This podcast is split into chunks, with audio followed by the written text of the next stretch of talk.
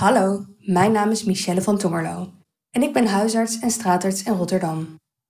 Als straatarts zie ik maatschappelijke ontwikkelingen voor mijn neus gebeuren.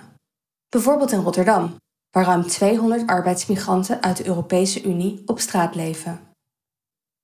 In dit stuk stel ik de vraag centraal waarom we deze mensen wel inzetten om onze economie draaiende te houden, terwijl ze vervolgens geen goed vangnet bieden als het misgaat.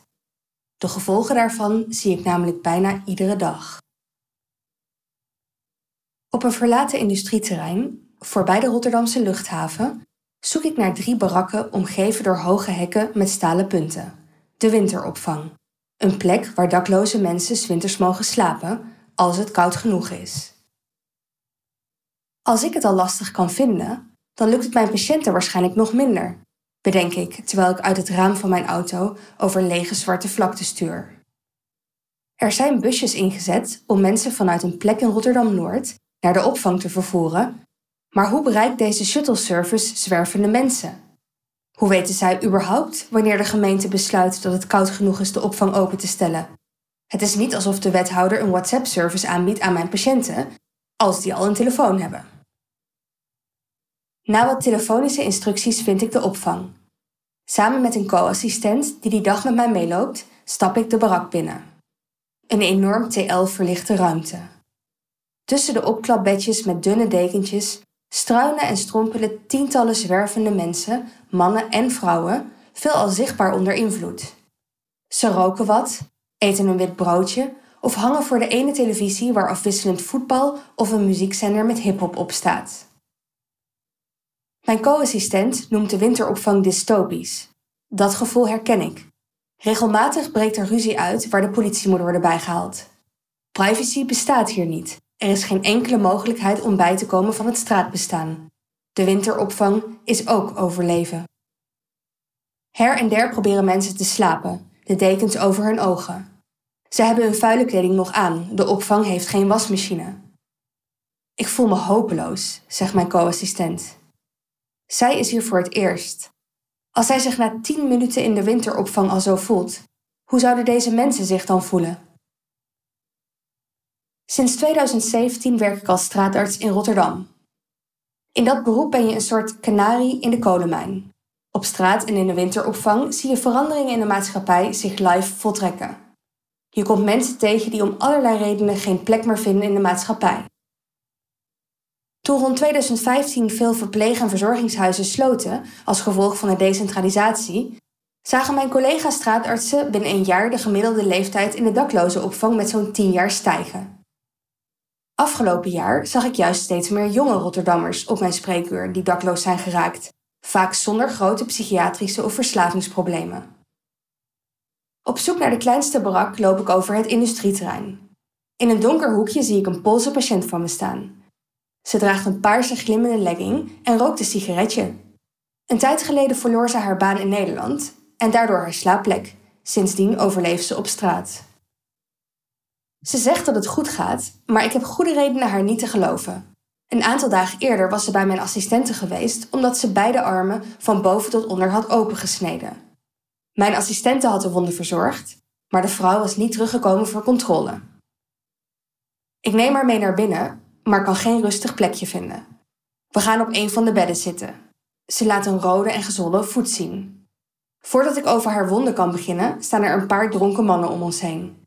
Ik vraag haar een andere dag naar de Pauluskerk in het centrum van Rotterdam te komen, waar ik mijn reguliere spreekuur heb. Toen ze weken later eindelijk kwam opdagen, waren haar wonden zo ernstig ontstoken dat ik haar bijna in het ziekenhuis moest laten opnemen. Terwijl ze weer naar buiten hinkelt, valt het me op hoeveel Oost-Europese talen ik hoor. Later bevestigen mijn collega's dat de meeste daklozen in de winteropvang tegenwoordig arbeidsmigranten uit de Europese Unie zijn. Dat geldt ook voor de mensen die ik in de Pauluskerk zie. Waren dat zes jaar geleden, toen ik daar als straatarts begon, nog vooral vluchtelingen en ongedocumenteerden? Tegenwoordig zijn het meer en meer mannen en vrouwen, twintigers, dertigers, uit voornamelijk Midden- en Oost-Europa. Arbeidsmigranten komen hier om te werken en zijn nodig. Bijvoorbeeld om groenten te kweken die in hun eigen land in de schappen liggen. Ze werken in de vleesindustrie, in de bouw of in distributiecentra. Het zijn er op dit moment meer dan ooit, zo'n 800.000. en ze houden een belangrijk deel van onze economie draaiende. Maar hun aandeel op straat groeit zorgwekkend, doordat er slecht met ze wordt omgegaan. Ze werken op uitzendbasis en krijgen soms onder het minimumloon betaald. Op dat schamele loon wordt vervolgens van alles ingehouden, zoals kosten voor een bedje in een huis, dat ze veelal met anderen delen, vervoerskosten naar werk, de kosten van de zorgverzekering, boetes als ze het huis niet goed schoonhouden. Aan het einde van de maand houden ze nauwelijks iets over. Arbeidsmigranten komen niet in opstand. Ze spreken de taal minimaal, kennen hun rechten niet en zijn vaak uitgeput van zwaar werk. En ze zijn bang. Wie klaagt bij de baas kan niet alleen zijn baan, maar ook zijn huis kwijtraken. En probeer maar eens zelf iets te huren als je elke maand nauwelijks rondkomt. Laatst stapte ik samen met een veldwerker een flatgebouw binnen voor een bezoek aan een Roemeens gezin. Man, vrouw en dochter van acht. Het kind was, zo had ik gehoord van een Rotterdamse hulporganisatie, al maanden zonder eten naar school gegaan. In de portiek rook het naar schimmel. Twaalf trappen hoger trof ik in een kale flat een vrouw in een pyjama, het meisje van acht en een hysterisch blaffend hondje. De moeder vertelde dat haar man al maanden niet was uitbetaald omdat zijn identiteitskaart was verlopen. Door schulden dreigde ze nu hun flat uit te worden gezet. Niet lang daarvoor had ze, 38 weken zwanger, haar baby verloren, naar eigen zeggen door een te hoge bloeddruk door de stress. Haar dochtertje gebaarde me om te komen. This is my pants, zei ze glunderend, terwijl ze naar een witte broek wees die op een mistroostig balkon hing te drogen. Hij was haar enige, zei ze. Beschaving lees je af aan de manier waarop een samenleving met haar kwetsbaarste omgaat. Na mijn bezoek zamelde ik geld in voor deze familie, zodat ze tenminste niet in de winteropvang zouden belanden, waar ik ze vervolgens ook zou moeten behandelen. Maar een duurzame oplossing is het niet. Die avond in de winteropvang behandelen mijn collega's en ik talloze mensen op het toilet, de enige plek waar we relatief rustig kunnen werken. De problemen die we zien zijn bijna allemaal straat- en dus geweld gerelateerd. Infecties, oude snijden, steekwonden, rotte tanden, kneuzingen en botbreuken. Een 26-jarig Pools meisje met koorts huilt terwijl ik haar behandel. Twee dagen geleden had het uitzendbureau haar ontslagen omdat ze te laat was gekomen. Nog diezelfde dag moest ze haar huis uit. Ze was gaan slapen op Schiphol. Daarna zie ik een nog jongere jongen, wiens onderarm scheef staat. It was broken, zegt hij als ik vraag wat er aan de hand is. Hij kreeg gips, maar had het al snel zelf verwijderd. Otherwise, I couldn't work. Ik leg hem uit dat hij dinsdag naar de kerk kan komen voor een verwijzing naar de chirurg. Hij zou niet komen. Een dronken jongen stapt de wc in. Als hij het papieren doekje om zijn hand verwijdert, ruik ik rottend vlees en zie ik de pezen van zijn vingers bloot liggen. Toen hij over een hek klom, was er een spel door zijn hand gegaan, zegt hij. Ik instrueer hem te gaan douchen, zodat ik de wond zo goed mogelijk kan behandelen. Als ik hem later zoek, is hij spoorloos verdwenen. Onmogelijk, geven andere medewerkers aan. Iedereen wordt bij het naar binnen en naar buiten gaan gecontroleerd. Ze beginnen een zoektocht, maar ik geef snel op.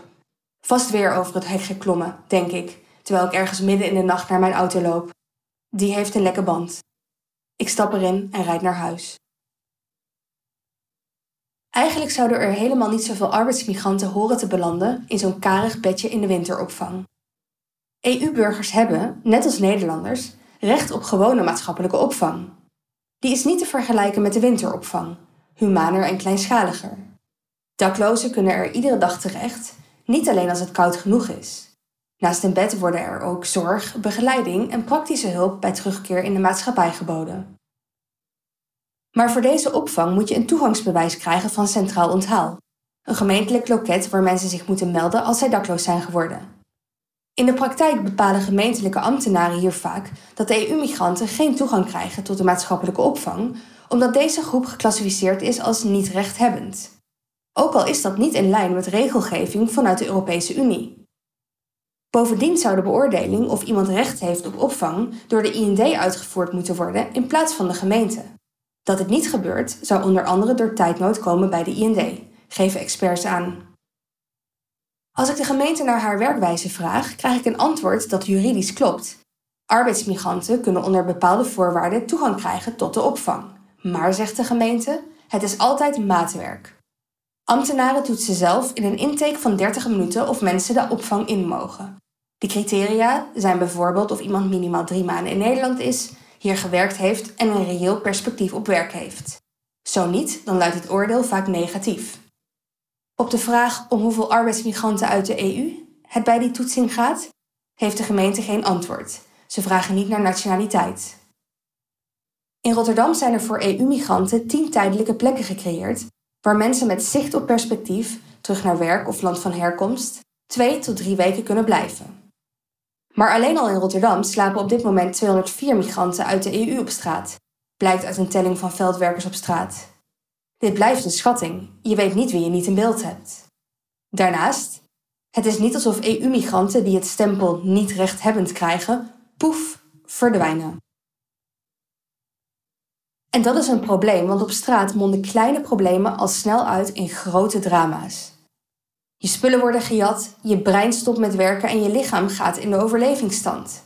In tegenstelling tot wat veel mensen denken, is middelenmisbruik vaak een gevolg van dakloosheid, niet de oorzaak ervan. En ben je eenmaal dakloos, dan verlies je je zorgverzekering, waardoor problemen verder escaleren.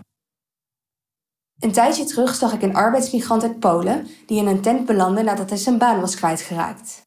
Hij werd gebeten door een teek, waarna zijn arm was gaan ontsteken. Bij het ziekenhuis werd hij weggestuurd omdat hij niet verzekerd was en geen geld had. Toen zijn arm dreigde af te sterven, doordat de zwelling van de ontstoken spieren de bloedtoevoer naar zijn arm dichtdrukte, werd hij, inmiddels ernstig ziek, naar de Pauluskerk gebracht. Hij moest met spoed worden geopereerd. Had ik hem een paar weken eerder gezien, dan had ik hem kunnen behandelen met een antibiotica-kuur van nog geen tientje.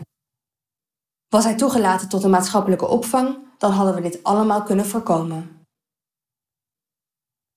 Waarom staan we toe dat zoveel arbeidsmigranten ten gunste van onze economie onder discussiabele omstandigheden in Nederland werken? En bieden we ze vervolgens geen redelijk vangnet als het misloopt? Een winteropvang die open blijft voor de meest kwetsbaren is wel het minste dat geregeld kan worden. Recent werd er een Poolse man van 32 jaar dood aangetroffen in een tentje in een bos in Rotterdam. Een van mijn collega's werd erop door de gemeente ondervraagd. Wist deze Pool niet dat de winteropvang open was?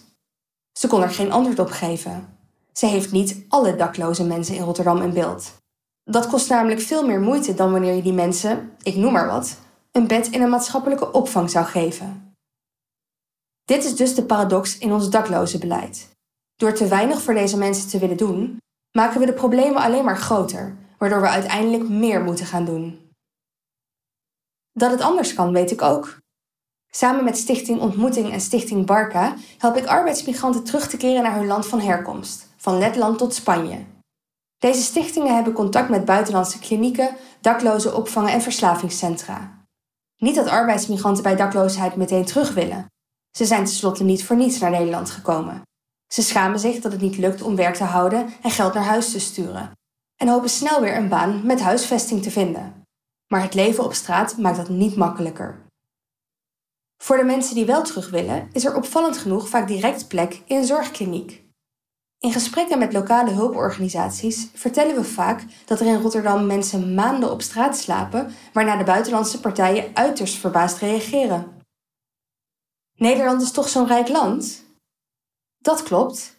Juist omdat we veel mensen enorm slecht behandelen, denk ik nu.